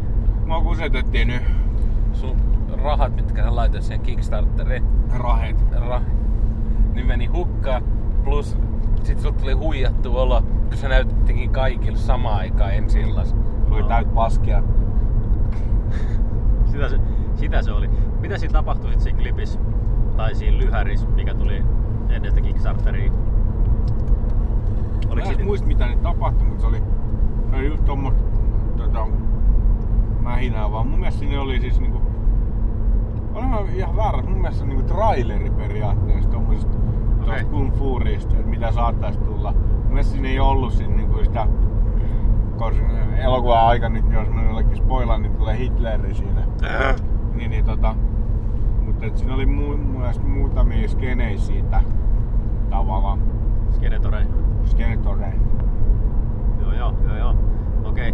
Muistaaks kumpikaan, kuinka paljon ne haki rahaa? Ei, ei mitään aivan. Mut yli 600 tonnia ne vissiin sai. Okei. Okay. Ja sai myös tehtyä puolen tunnin pläjäyksen. Kyllä siihen rahaa pitäisikin saatana. no joo, melkein. Melkein olisi riittänyt jopa pitkään. Tossa oli silti semmoinen efekti ja määrä, että ehkä siihen oli mennyt rahaa ihan tuottomasti. Mm, Mun mielestä oli hieno kuin niinku rehellinen se oli silloin niinku 80-luvulla. Olihan siellä tietysti sit yksi kuva, mikä mua häiritti, niinku tuli tällä jälkeenpäin jäi mieleen, oli se, kun se Hackerman rupesi hakkeroimaan. Sitten siinä mentiin semmoiseen laajakulmakuvaan niinku se silmistä. Oltiin tosi lähellä feissiä. Niin musta tuntui, että se oli vähän turha niinku 2000-lukuinen kuva. Kasarissa ei kyllä tommoista kuvaa olisi käytetty. Mutta mä annoisin niinku kuitenkin anteeksi, kun tuo kuitenkin oli tämmönen uusi kasari. Mm, kyllä. Oliko siellä teillä mitään, mikä niinku irrotti sen pois 80-luvusta? Ei, mutta siinä on yksi asia, mistä mä en ole vieläkään varma, että mitä mieltä mä olen siitä asiasta. Aha, Se kuvasoundi, joo joo joo. niin kun se on semmonen, mä en tiedä miten sitä selittäisi, mutta siinä, että siinä on... Ne vanha, vanha tota VHS. Ei se ole vanha VHS, kun siis Ah. se joten... Green screeni. Kun se, se värit on jotenkin semmonen niinku... Tuntuu, että sä vetäisit niinku kontrastit täysille ja, Aa. ja sit tota, korostaisit värejä niinku. Se, se iho esimerkiksi ne ei näytä sillä ihan täysin luonnollisilta, ainakaan kaikissa kuvissa. Mm-hmm. Se on vähän semmonen hassun näköinen se, mutta siis en mä nyt sano, että se on huono asia, mutta mä en ole vaan oikein varma, mitä mieltä mä oon siitä asiasta. Tosi efektiivinenhän se oli Niin. se kuvasoundi koko ajan. Ja siinä oli aika paljon viitteitä aika moniin juttuihin. Mm, kyllä. Mun mielestä oli hieno se, se kuolema-osio, nyt kun lähdetään spoilaamaan. Joo. Et niinku, just se animaatiotyyli Mm, ja kyllä. maailma. Maailma oli vähän ehkä sekava, mutta niinku se oli aika vahvasti hiimän tuli mieleen. Et Joo, se, se Cobra, mikä siinä lensi, Joo. niin siinä oli samanlainen kulkuneuvo, mitä hiivän. Niin Kyllä. siinä- Ja sit, Oli vesijätteitä, mitkä joo, lentää. Ja sit siinä tota, noi, oli semmonen tota, piirretty kaksonkko Mask, mikä ei ole se vihreänaamainen tyyppi, missä on Niin Simkari. se, se ei ole niinku The Mask. Niin, niin tota, siinä oli ihan samanlainen kuin se auto lentää siinä alussa. Joo. Se, se oli ihan niinku, sit siellä oli muutenkin kaikkea just, että mä luulen, että se, että se no okei se voimailla, että se oli Cobra, että se nyt saattoi olla niinku sattuma, mutta sekin saadaan u- ujutettu tuon 80-luvun piirrettyihin. Mutta... Kyllä. Joo, ja sitten tota, siinä oli, siinä oli hienoja efektejä ja siinä oli tahallisesti huonoja efektejä. Mm. Ja molemmat futas niinku täydellisesti. Ja mun mielestä oli niinku tosi hauskaa katsottavaa koko läpi mitä. Et niinku välillä, välillä musta siltä tuntui siltä, että onko tää nyt oikeesti niinku niin hyvä juttu vai onko tää niinku ihan täyttä paskaa. Mut kyllä se viihdearvo on niinku kohdallaan. Ja kyllä sitä olisi jaksanut katsoa pidempäänkin. Mutta ei hirveän. Mutta siis sanotaan, että, että mä en olisi ostanut sitä välttämättä enää yli 45 minuutin. Olisiko se kestänyt oikeasti? Sitten toi niinku, kun toi oli pelkkä... No, ei, ei tuolla käsikirjoituksella. Niin, siis sitä mä niinku meinasin. Että toi oli, nyt se oli niinku pelkkää tykitystä koko 30 minuuttia. Mm, joo. ei, ei yhtään löysää kohtaa. Joo, en mäkään sitä meidän niinku, niinku tuolla käsikirjoituksesta olisi niinku voinut katsoa pidempään, mutta siis niinku kiinnostaisi. Niin. Olisi kiinnostanut niinku ehkä vielä pidempi versiokin tosta niinku maailmasta, tosta storista, mutta ei niinku tollasen toteutukselle. Et, et, hyvän näköistä ja hyvä meininki. Oli tosi hyvin. Joo joo. Mutta se oli mun mielestä hyvin, hyvin ne aina välillä, kun tulee tota, tota kun VHS ääni, ääni tota, magneetraita vähän venynyt, niin Joo, ja niin, niin, niin, niin, niin, taas lähtee. No, Musta oli myös ylihuvittavaa kaikki ne ikoniset niin kuvat ja jutut, mitä siellä oli. Esimerkiksi delfiini, mikä menee vedessä silleen pinnassa. Ja sit semmoista kuvastoa, just mitä paljon noissa 80-luvun jutuissa totuttu näkemään. Ja sit se, se taistelukohtaus niitä natseja vastaan. Aivan. Mun mielestä oli hieno, eikä yhtään liian pitkä. Mutta niinku, mä odotin kun se alkoi, että siitä olisi lähtenyt semmonen Matrix 1 taistelukohtaus, mikä lähtee ihan sfääreihin niinku, siinä niinku kamerateknisellä puolella, mutta sitten se oli tämmönen 2D mätkintämeininki, niin se oli myös tyydyttävä. Mm, Siitä itse asiassa julkaistiin No, videopeli, mikä toimi nimenomaan. Se on kaksi nappia, se lyö joko oikealta mhm. Ja se maksoi Steamissa kaksi euroa, mun oli pakko ostaa se. no anna siitä arvio. No, siis eikö Steam olekaan se paikka, että sillä ostetaan pelejä eikä pelaat niitä koskaan? Ai niin, sä et pelannut sitä. No kyllä mä sitä vähän kokeilin, mutta siis mitä sit nyt sanoo? Siis se näyttää vanhalta arcade-peliltä, missä on kaksi nappia, se lyö oikealta tai vasemmalla. Voiko siinä hirveästi mennä niinku ojaan tai tehdä jotain hirveät kulttuuritekoa? Ei oikein kumpaakaan. Se oli jo Se on videopeli. Se oli rehellisesti Kill Fury videopeli. Onko lain yksi, vaan pakottamassa toi. Mikäs se on se? oliko se, onko se vain yksi leveli? No sitä mä en tiedä, kun mä en päässyt hirveän pitkälle, kun mä kuolin. Okei, sitten Ville. Toi, toi. Ai tollain, kun on niinku tavallaan sivusta päin kuvattu tuonne putkimainen taistelukohta, niin tulee aina pakottaa mieleen. Mikä se leffa onkaan, missä kaveri menee sen vasaran kanssa käytävää pitkin ja hakkaa, hakkaa siinä tota, kun sieltä tulee jotain mafiosoja molemmilta puolilta. Mikä se tota, korealaisen toimintaelokuvan nimi on? Sä tiedät se peli. Puhutaan mennyt raidista. Ei, se on se suomalainen rikosetsivä. Vanhempi. Vanhempi elokuva. Tik-tak. Kertoo, Tik-tak. kertoo sellaisesta, kun se Tik-tak. lähti koostamaan jotain se tyttären kuolema tai joku tämmönen. Ja, en mä, en, Ky- en, ah, okei. Okay. ei, siis ei nyt ole mieleen, mutta voi olla hyvinkin, että tiedä. Ja sitä joskus aikoinaan mainostaa Moi. paljon. Tota, ja se on. Vittu, Tää on paha, kun ei muista elokuvien nimi. Mutta et- Mut just se elokuva tuli mieleen. Mutta tosiaan aina kun tulee joku tämmönen sivusta päin kuvattu toimintaelokuva, missä paljon ihmisiä, joku tyyppi niitä on, niin se tota, tulee aina mieleen, että hei, tää on siitä elokuvasta. Pelittiin ja Ja sitten korealaiset, tota, oliko se korealainen, mutta kuitenkin itämaisesti, niin Mm. sitä tehtiin niinku jenkkiversio. Nyt on paha, kun ei muista enää. Tota, Varmaan hyvä elokuva. mikä sen nimi on? Oliko se hyvä Jatkaa elokuva? puheen, niin mä googletan sen nopeasti. Oliko se hyvä elokuva? Oli. Hyvä, se on pääasia. Tai joo. Mitä mieltä olitte siitä puhelinkohtauksesta? Ah. Ai siinä kun sä antoi puhelinnumerolle muijille vai niin kuin siinä puhelinkohtauksessa, missä ammuttiin poliisia. Ammutti poliisia. Missä muussa elokuvassa ammuttiin? Mun mielestä se oli aika hieno. luurin kautta ammuttiin. Tota tyyppejä. Se oli kans se leffa, mitä sä et muista. Ei vaan se oli joku kasarielokuva, missä ne ka- kidnappas tota lentokone. Olisiko joku suomeksi hei, Hei, me me lennetään? lennetään. Niin, koska tota, toi, ne puhuu, puhuu sinne pilotille jotain, me ollaan kaapattu kone ja jotain. Että, tota, Ennen mä pelotti, nyt mulla on pilotti. Tota, sit se ampuu sen luurin kautta sen tota, siinä toiseen huoneeseen. Eikö sitten tos... Ähm, fuck. Tuli taas toinen mieleen joku Safti, missä ammuttiin, niinku se pilaversio, mikä tehtiin Shaftista. No, mut kuitenkin tää on hyvä, kun ei muista yhtään leffa, leffan nimeä, niin, niin alkaa Paras elokuva podcast ikinä Kyllä. meillä käsillämme ja teillä korvillanne. Lanne, Vaate. korvat, vaate, lanne. Joo, mihin kohtaan me jäätiinkin? Me jäätiin sen puhelinkohtaukseen. Mun mielestä olisi- oli myös nerokas niin semmonen tuotesijoittelu kohta se, missä antoi puhelinnumeroa ja sitten puhelimen. Joo. Ihan semmonen huoma, huomaamaton pikku mainos siihen väliin. Toki se oli hauskaa, että se oli tietysti varmaan tuote, mitä ei ole olemassakaan. Sitten se oli hieno se alun taistelu. Elokuva, mitä me tarvittiin. Old Boy. Old boy. Miten Old sä sitä muistanut? Ei mä muista nimeä. Mä itse asiassa odotin, että sieltä olisi lopputekstien jälkeen tullut jotain. Mutta mä oon varmaan vähän turhaa 2015 Marvel päästä niin, että mä odotan lopputekstien jälkeen jotain. Mun mielestä tuo oli semmonen leffa, mikä niinku tuntui, että sieltä olisi voinut tulla joku ihminen läppä vielä. Joo. Mutta ei tullut. Ei tullu, ei. Lopputekstit tuli hyvän rokin kerran.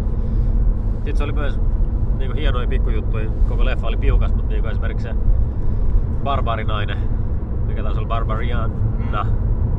Sitten se heavy biisi, mikä siinä soi se, kun se kertoi sen nimes. Niin se oli niinku mahtavuutta kirjoitettu niinku biisi kertomaan siitä hahmosta. Ja sit soittaa samaan aikaan, kun se hahmo esitellään, niin se on Tuli hauska, hauska. sulaa neroutta. Käy kovasti kohtauksessa, kun mennään, se tulee se natsi-Saksa ja sitten se Aa. käy se keskustelu siitä arjalaisista viiksistä.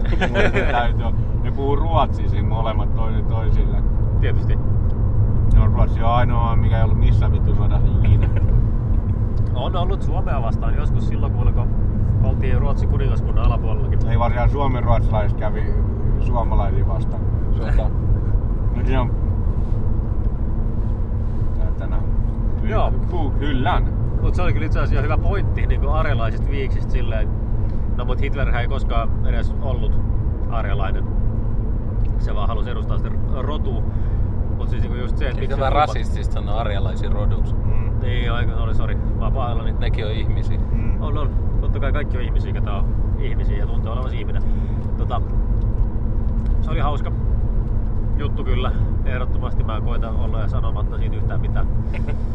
Ettei tule enempää, ettei tule enempää niinku rasismia ilmoille. Sitten myös, miltä, miten se lopetettiin, oli hauska.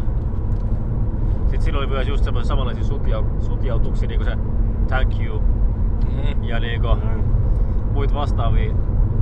Se oli ihan vitun väsynyt se, väsynyt kun se taisteli sitä ninjaa vastaan siellä kujalla. Mm. Ja sitten se, just se kun se löi sitä, mit- kun se siihenkin sutkautti jonkun ihan vitun väsyneen. Totta, mitä paikkas. Mikäs paska se oli? Se oli joku vittu se rystysen liittyvä. Knuckles, joo kyllä. Mut en nyt just muista mikä siinä oli se. Ah, se oli Knuck Knuck vitsi. Mm, mm. Kyllä. Kyllä. Ja sit Hitlerillä se myös sanoi, kun Hitler oli sanonut, että me täydennetään, täydennetään toistemme lauseet, niin sit se olikin balls. Ja löi sitä kiveksillä tietysti. Ja Hitlerille se korkein ilma. Se, se Thor oli mun mielestä aika kaunis ilmestys. Se oli kyllä. Millä se tuotiin myös siihen Mun mielestä se oli helvetin hyvä se, tota, mikä saatana dinosaurus se oli. T-Rex. Eikö se tota... Ai se laser. Laserraptori. Laserraptor. kyllä. Niin ka... Laser Raptor Valley. Niin kyllä. Huhhuh. Se kaveri, niin, niin. Kun siinä lopussa ne oli sit heti niin kuin sillä kimpas sen jälkeen se uuden partnerin kanssa. Totta kai. Totta kai. Mut siis niinku tuo nyt oli täysin tommosia loistavia hetkiä täynnä oleva leffa. Et ehkä sen takia myöskään tollasena se ei olisi kestänyt niinku puolitoista tuntia. Mut siinä oli enemmän juonta kuin uudessa Mad Maxissa. No se pitää, se pitää paikkansa. Se ei paljon vaadi. Ei paljon vaadi, mutta Mad Maxikin oli silti omalla tavallaan aika rehellinen actionille. Et siinä ei mitään muuta ollutkaan. Niin ja olihan siinä tosi paljon juttuja, mitä oli suoraan niistä vanhoista Mad Maxeista. Niin esimerkiksi se, se fucking pääpaha oli kans suoraan niin vanhasta Mad oli, Maxista. niin oli ja se, että et Mad Max ei puhunut paljon ja ajettiin autoilla ja Ja actionia ja Ei samoja tota, toi, Mut Fury. toi, tota, jos Mad Maxista tuli mieleen, niin Okei. kattelin vähän just sitä jostain YouTubesta hehkutusvideoita siinä, niin että siellä on aika paljon nimenomaan kaiken näköisiä pikkujuttuja, mitä niinku oikein kunnon Mad Max-fanit No, niin kai se varmaan löytää. siinä on kuulemma juonikin, jos googlettaa. Niin kyllä. Ah. niin tää oli kans sellainen juttu, että vaikka ei se tunnu, niin siinä on selkeä juoni. Et, tota, No kyllä se mun mielestä oli aika selkeä, siinä mentiin ees taas. Niin, niin mutta et siis niinku semmosia elementtejä, mitkä ei tavallaan aukea, jos vaan tietää. Tietäjillä laukee. Niin Se on kyllä. hyvä tietää, tietää edelleen. Mut mennään sitten takaisin vähän vielä Fury. Meillä on vähän niinku semmonen rajallinen tää aika tällä kertaa, tällä hetkellä, just nyt tää Villen yö radio alkaa päättymään vähitellen, koska aletaan päättymään pisteeseen, jos yksi meistä, minä joutuu jäämään pois. Vois se porikin tulla. En mä kiitos tällä kertaa. Mä tulen siitä vähän myöhemmin. Ensi viikolla esimerkiksi asumaan. Mutta Sitten tuota, Junk Furysta vielä niinku viimeisiä ajatuksia. Ennen pisteytyksiä. Petri. 200 metrin jälkeen. Ei se ollut Petri, Käännä navigaattori. Oikealle. No siis, en, 2170. se oli viihdyttävä rappula. ja tykkäsin, mutta toivottavasti tommoseen ei ruvet niinku nyt tehosyöttää, että kaikki ne, että hei, hei, tehdään mekin tällä. Ja sit niitä on kohta joku sata samanlaista. Niin, mutta mitä sä olisit mieltä, jos taas tulisi jatko-osa, katsoitko sä? No kyllä mä sen varmaan katsoisin. Se se tykkäisin kyllä. Kyllä mäkin se katsoisin ja todennäköisesti tykkäisinkin vielä, sanoisin minä. Eikö Joo. Entäs Ville?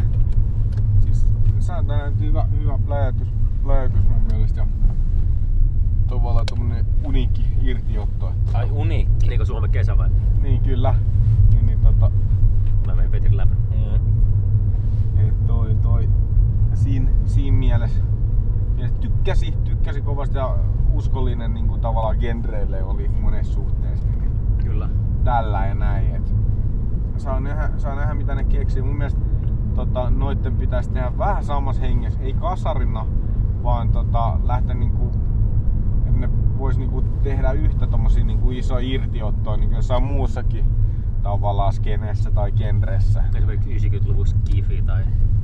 No vois joku 90-luvun. 80-luvun ääniä. Niin, 70-luvun poke. ää, kyllä. Et tämmöstä, mutta tota, tai keksi jotain muut crazy. Niin. Ihan hyvä, hyvä meisseli. Ehdottoman Vaikka hyvä meisseli. oli.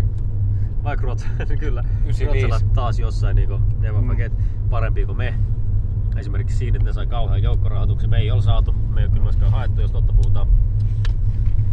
Ja saimme hyvän pläjäyksen aikaiseksi. Mm. Ei siitä oikein niinku pysty kauheasti irrottaa. Mä rupesin miettimään, niinku, jos rupean miettimään jotain sinematografiaa tai muut juttuja siitä, mutta se oli niin uskollinen ja niin Mut jos siitä haluaisi kauemmin, kauemmin puhua, niin sit se menisi siihen, että se pitäisi purkaa tavallaan se elokuva. Niin kyllä, niin jos siitä haluaisi syvällisemmin. Niin. Koska nyt, nyt sä joko spoilaat sen ihan täysin. Mä nyt tiedä tavallaan, onko tässä hirveästi spoilattava. Jos sä et tra- trailerin kattonut, niin sä oot nähnyt siitä aika paljon. Kenen sä suosittelisit tuommoista leffaa? Mun mielestä kaikkien pitäisi nähdä se. No niin, sama juttu, mutta mä luulen kuitenkin, että tää potkii parhaiten niihin, ketä on myös nähnyt 80-luvun shittiä jo aikaisemmin. Paitsi Mm, jos ne ei kyllä. tykännyt siitä. Niin sekin tietysti, mutta sitten tää on myös semmoinen, tää saattaa olla, niinku, tässä saattaa olla semmoinen porttiteoria, että jos joku, ketä ei ole tietoisia edes 80-luvun helmistä, niin katsoo ja saattaa ajautua katsomaan sitä. Mä suosittelen kaikki meidän kuuntelijoita kirjoittamaan Googleen Robocop Remake. Se tulee Skene 27. Skene 27. Sieltä löytyisi meidän Vimeo-linkki. Suosittelen tutustua. Oh, yeah. Nyt sit Kung Fury Robocop Tähti. Remake. tähti tarroi siis seitsemästä miinus yhdestä seitsemää.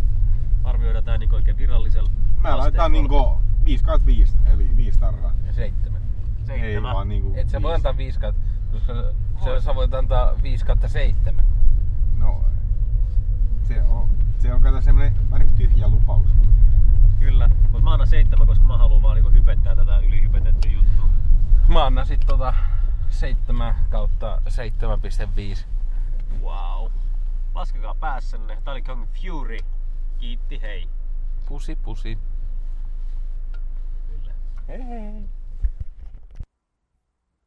Niinhän se meni. Siellä me oltiin. Ajettiin läpi yö. No, Tämä on kantava teema, niin kuin meidän podcast-jutusta ajaminen ja koko yö. Ja... Mä välillä koitan katsoa, että siellä... Joo, kun mä katson vaan, että me pistetään kato ylös, mihin kohtaan mä leikkaan se sit sisään. Aa, Se Sisäänleikkaaja. Sisäänleikkaaja. Se helpottaa mun elämääni. Tai nopeuttaa tätä leikkaamista ainakin. koska sä olet kova saksettama. Kyllä, saksetus on mun Ja juttu. sä äh, tykkäät tehdä saksipotkuja. Ja... Joo, joo, siis tästä, tästä, tästä on kyse. Ja saksipotku. No tuossa leffassa niillä ei tainnut Kung Furyssa kauheasti saksipotkuja. Mut, vai oliko? Nyt ei muistini palvele minua hyvin. Siinä on semisaksipotkuja. Semi-saksipotkuja. Kyllä, semi-seksipotkuja. Se oli hauska, te kuulittekin siitä kaiken. Jatkoon. Jatkoon Se pääsee ehdottomasti. teatterikierroksella tai Vegasiin, riippuu, että minkä maan formaatis olla. Oh, oh. Mutta jatkoa joka tapauksessa. Mä muistelin, että meillä on vielä joku yksi insertti. Mikä, mikä se oli? Se oli, ai niin. Pistääkö se tähän perään heti suoraan? Ja sulla oli joku kolmas, mutta... Kyllä oli, kyllä oli. Pistää tähän suoraan perään ja sitten katsotaan, miten me tää lyödään, lyödään läjää. Tota, onko sä yksin käynyt katsoa? En, mennään kuuntelemaan. No niin, ihanat podcastin kuuntelijat. Nyt ollaan vähän erikoisemmassa paikassa. Todella erikoinen paikka itse asiassa. Leffoteatteri. Hankala, hankala ymmärtää, mikä tämä on. Mutta siis tosiaan ollaan Porin Finkenössä odottelemassa juuri paikoillamme, että alkaa elokuva nimeltä Mad Max Pörröinen tie. Ja ihan muutamalla sanalla mä haluaisin pyytää teiltä pojat, että mitkä on odotukset. Aloita vaikka Petri. Tota, Okei, Ville voi jatkaa siitä. no, odotan tätä karvaista tietä hyvin, hyvin suurella odotuksella ja saa nähdä nyt millainen uusinta versio, tai eihän tämä uusinta versio, niin kuin, vai onko? Vai ihan uusi versio, mä en itse Uusi, ei, ei mitään hajua. Mun, tää niinku, itse asiassa varmaan trailerit ja muut olen lukenut tästä, mutta niinku, jos semmoista intensiteevistä niinku, informaatiohaku ollut ennen tätä leffan näytöstä, niin odotan, että Tom Hardy näkyy ilman paitaa. No niin, mun odotukset on kanssa aika minimissä. Mä oon yhden kerran trailerin nähnyt ja saat sä Petteri puhua seuraavaksi. mä, en, mä en tiedä oikeastaan yhtään mitään tästä, tästä Mad Maxista. Mä tiedän, että tänä vuonna tulee myös Terminator 5 ja Mad Max, niin muista 2015 alkaa vaikuttaa aika lailla vähän ysäriltä vai kasarilta jopa. Vähän semmoista kierrätyksen makua vai? Vähän kierrätyksen makuun, mutta ihan tosi hyvä meininki. Odotetaan, jos tää pettää, mutta sitten mä en mene katsoa Terminator Femmaa, se on mun odotukseni.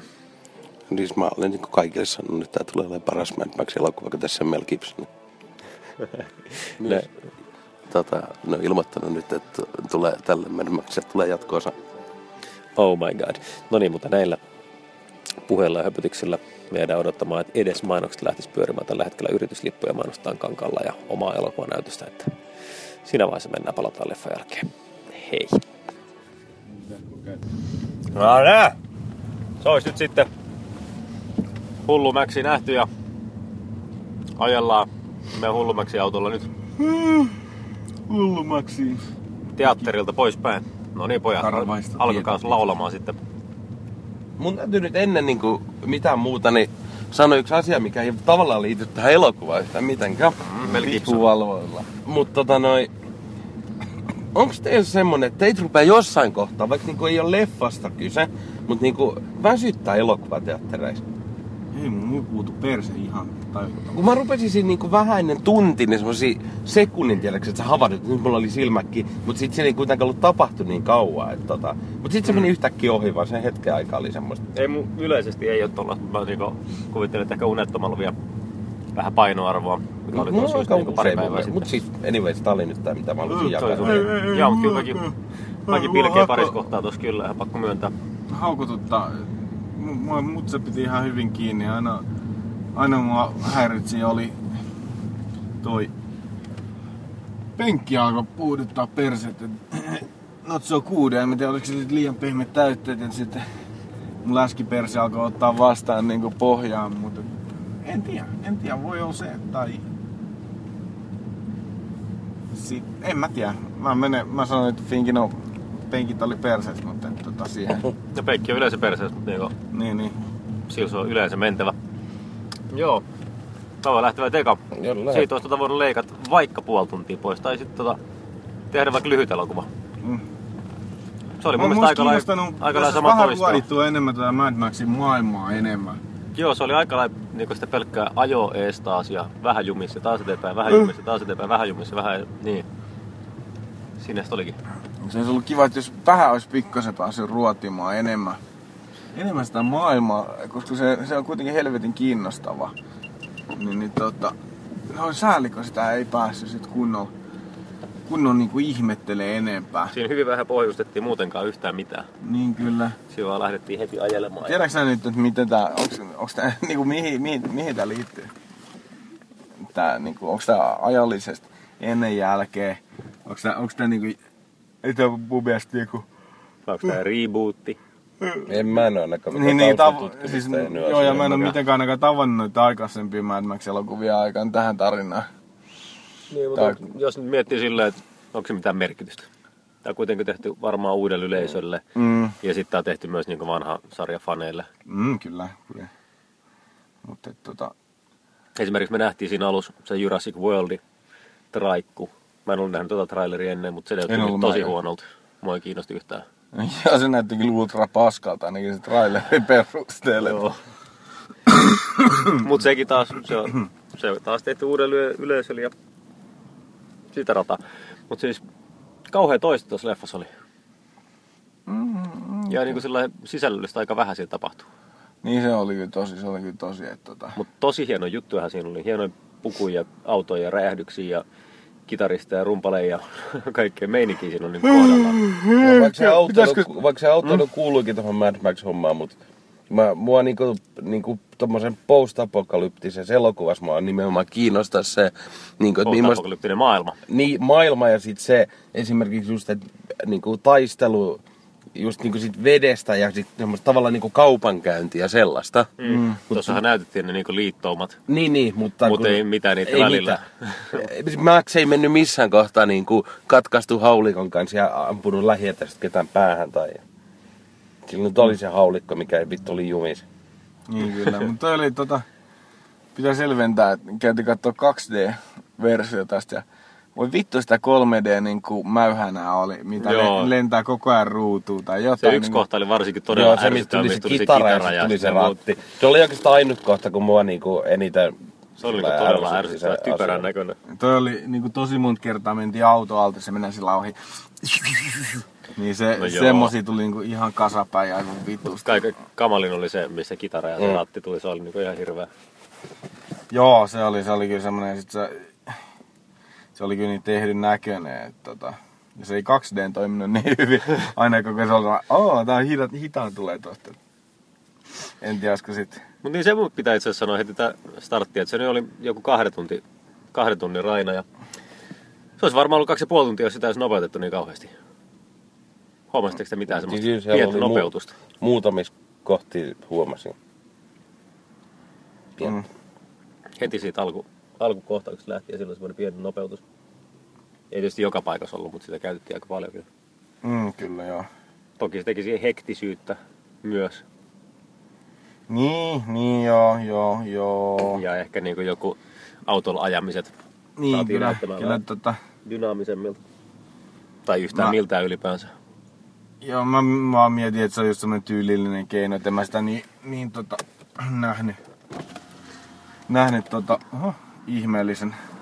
Ah, joo, tyylinen se selkeästi oli. Joo, joo, ettei en ainakaan mä löytänyt siinä tai saanut sellaista niinku välttämättä niin kovaa kiksiä. Et, tota, Ei, mua se häiritsi, mutta sitten mä koitin päästä kanssa niinku sinuiksi, koska se selkeästi oli niinku mm, kantava juttu. Mutta niinku mun, mun silmäni se ei näyttänyt huomasin, niinku että alussa sitä tehtiin muutaman kerran putkeen niin kuin oikein monta kertaa. Mm. et se ilmoitettiin, että tämä on tyylillinen seikka. Tämä ei ole vahinko. Ei, kyllä. Meillä ei ole tullut hidastuskuvaa, mitä ei sitten loppupeleissä ollutkaan hidastuskuvaa, vaan ajettiin se hunttina. Toi on tota... Filmissä oli hauska tota, kun näkee joskus semmosia toimintaelokuvia, että ammutaan, ammutaan tota, eka nopealla Mm. filmi ja sen jälkeen se tiputetaan, tiputetaan siihen 25 niin se on niin, kuin niin selkeästi, että huomaat, että okei, nämä jätket on tähän toimintakohtaukseen tarkoittanut tuon lyönnin olevan hidastettuna. Mm. Niin, tollasia. Joo, se tekee... Se, se- tekee se niin tosi paljon. Sellainen tarkoittaa vanhoissa eri- niin just ysäriä eri aikaan. tavalla, niin se tulee terävämpää siitä liikkeestä. Joo, se on niinku digitaalisen aikaan toki niinku kuva sillä ei voida sanoa niinku osaksi terävempää, koska se on, Joo, mutta sitten se vaikuttaa siihen liikesulavuuteen. niin, ja sitten tota, myös niinku uusissa leffoissa niin on paljon myös, myös tota, toi kuvausformaattikin on vedetty vähän nopeampi frame, freimiseksi. Mm. Niin, niin tota, tällä, et ei se, ei se haittaa, mutta joo, joo sitä, sitä oli kyllä muutaman kertaa. Toi mikä tota, jäi mietityttää, siinä on, siinä on se Skinsestä oleva tyyppi, se ketä oli nyt tossa se tota, vuo, vuorpapi, ketä, mm-hmm. mä muistin mikä sen nimi, Nuksi. Joo. Niin, niin tota, sit se mun mielestä se ää, punapäinen muijakin oli Skinsessä. Mä mietin, onko täällä joku, ketä on tota, tuottanut tai kästänyt niin Skinsen, niin ollut sulla, hei ota nää kaksi.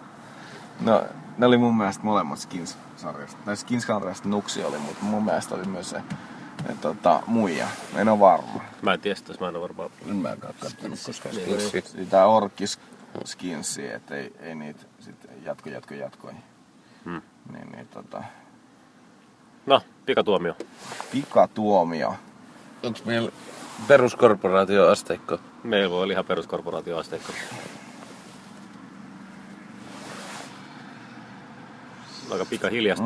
Kolme. Mm, kolme, okei. Okay. Nätit visuaaliset jutut. Nätit Kolme puvut. kautta seitsemän. Joo. Nätit puvut. Nätit autot. Nättiä tappelua. Nättiä räjähdystä. Paljon nättiä, mutta siis mun mielestä se olisi toiminut lyhärin paljon paremmin. Ne aavikko tota, ajo kohta. Kohta lopussa. Sitä oli kuvattu 138 päivää. Ja miettii, kun me käydään Yyterissä mm. kuvaamassa päivää, sitä hiekkaa löytyy niin kuin vittu esinaha alta joku kuukauden. Paitsi niin, niin, tota, niiltä, kenellä ei ole esinahkaa. niin kyllä. Se on sitten mennyt muihin reihin. Se on mennyt muiden esinahkojen alle. Mm. Niin, kyllä.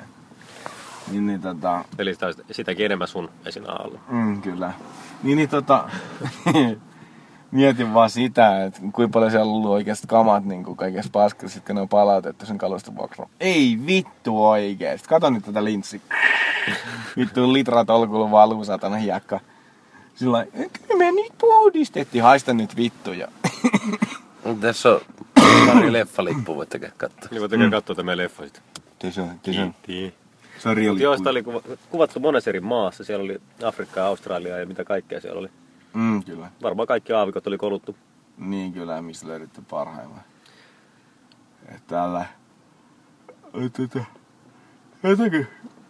Mä en tiedä, onko se sitten se, kun Tom Hardin tää, tai siis Mad Max hahmo oli jotenkin kauhean niinku... Mun mielestä se puhe oli ihmeen pinnas. Se tuntui siltä, niin kuin se ei olisi tullut siitä henkilöstä, vaan että se niin kuin olisi ollut irti.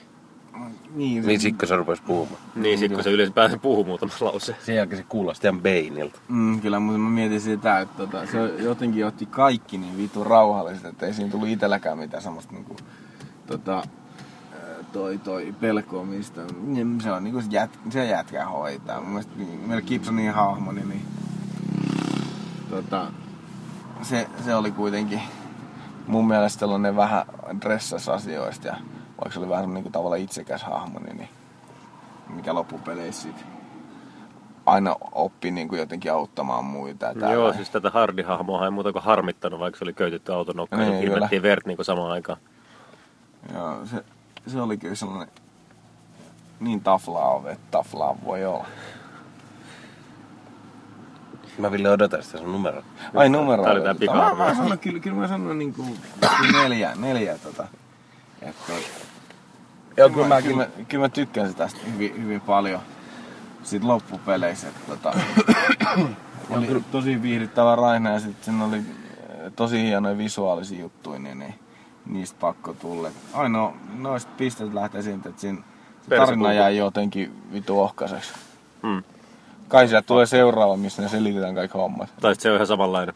Niin kyllä. Ajetaan vaan toiseen suuntaan. No niin, niin. Näin Ja takas. takas. Ei, kyllä mäkin joudun sen neljällä antamaan. Mm. Kovasti haluaisin ton niinku postapalkkalyptisen maailman takia antaa sen viisi mut, kun siinä ei ollut muita mutkoista autoilua. Mun vaatteet haisee vieläkin bensalle.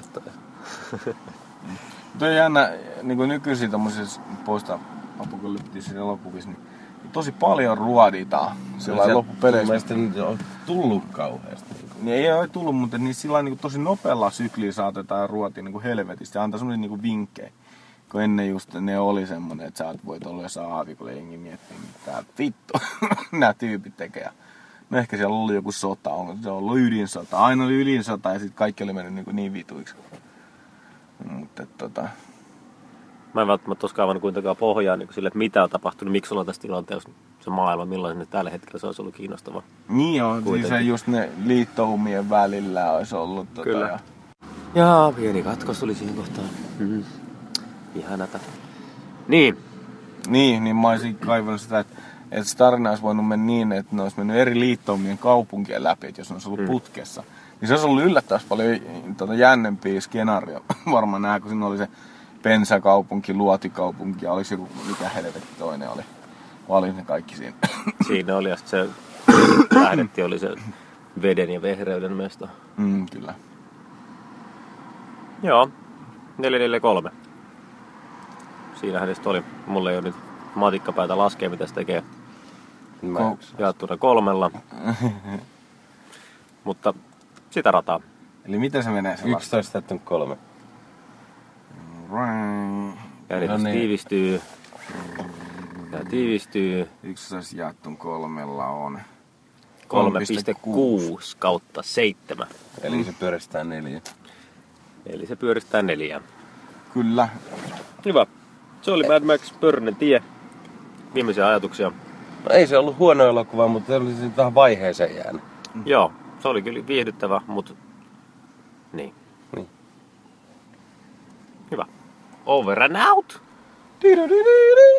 No niin, siinä oli niin sanottu pörröinen tie. Ja en, Petri. En ollut yksin katsoa. No et, et, kun kuuntelin tässä nyt tämän, niin Nyt taas muistan mieleen. Et siellähän me oltiin taas kolmestaan puhumassa asioita. Oltiinko me jopa vähän ennen leffaa, leffan jälkeen.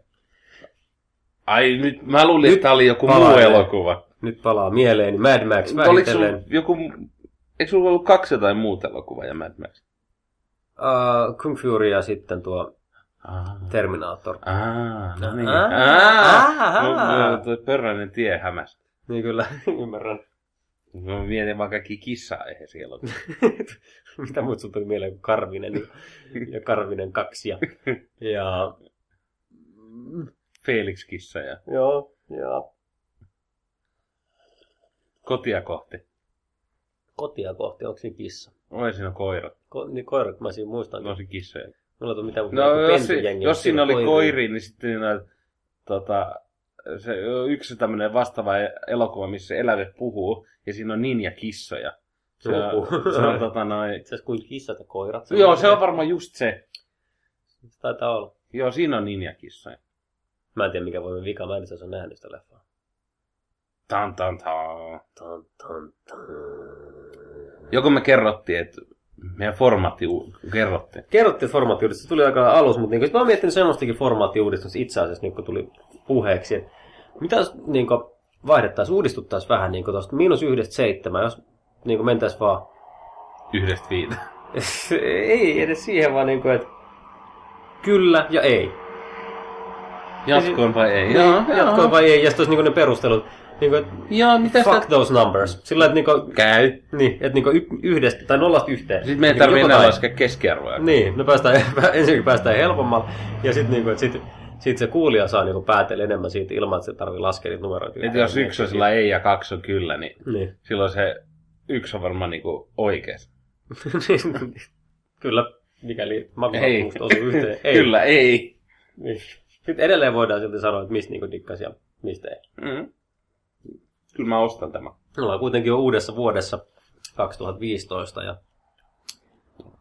Siis hyvä niin homma näitä podcastien tekemässä, että niin joululomat on pitkiä. ainakin näissä elokuvapodcasteissa tuntuu olevan vähän pidempi joululomat. Ei, ei ole silti palkallinen loma. Et sen puoleen.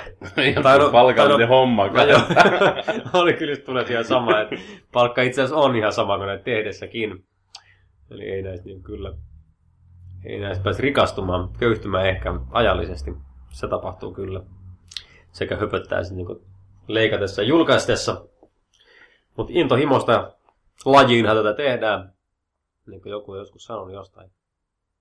Mä luulen, että tämä jakso numero 33 mielestäni tuossa alussa sanoin. Ja kyllä, jakso numero 33 alkaa olla aika lailla finaalissa. Mitä oot Petä nyt mieltä? Meillä on vuorokausi vaihtunut tässä jakson nauhoittaessa. Nyt on jo neljäs huhtikuuta, heinäkuuta. Huh. Heinäkuuta. Miten, miksi mä sitä huhtikuuta tarjoan? Niin, mä katsoin sulle puhelimesta, holla se alkaa, se on mä huhtikuuta. Mitä muut kuukautta?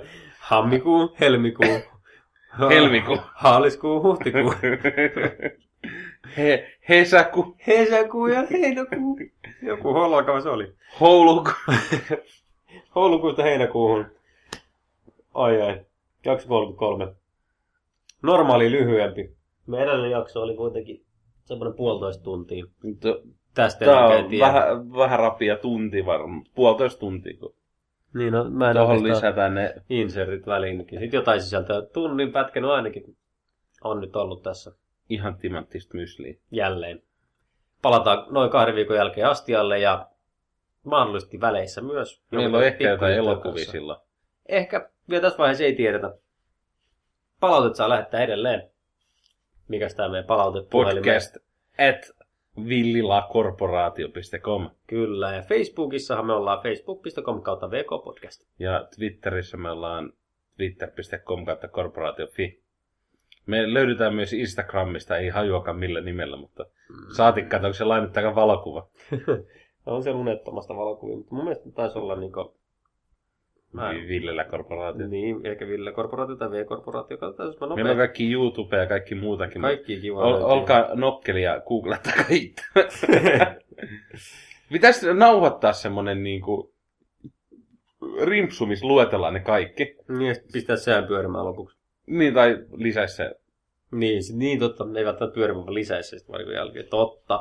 Instagramissa on Villila Korporaatio, eli se L vai? Aalla. Aalla. Ja yhteen kirjoitettuna. Siellä on uneton matskua tältä vuodelta nyt ainakin. Eli siellä on joku kuva. On se joku kuva. Ensi kertaan. Kiitos ja kuittaus. Hei hei. Hei. Hei Hei. hei. Hei. Hei. Hei. Hei. Hei. Hei. Hei.